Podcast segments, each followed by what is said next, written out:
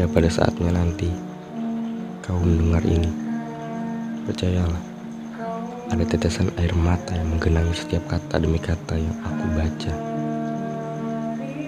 Kecewa, sedih, marah, gemetar, rasa tak percaya, patah hati, luka, semuanya bercampur menjadi satu.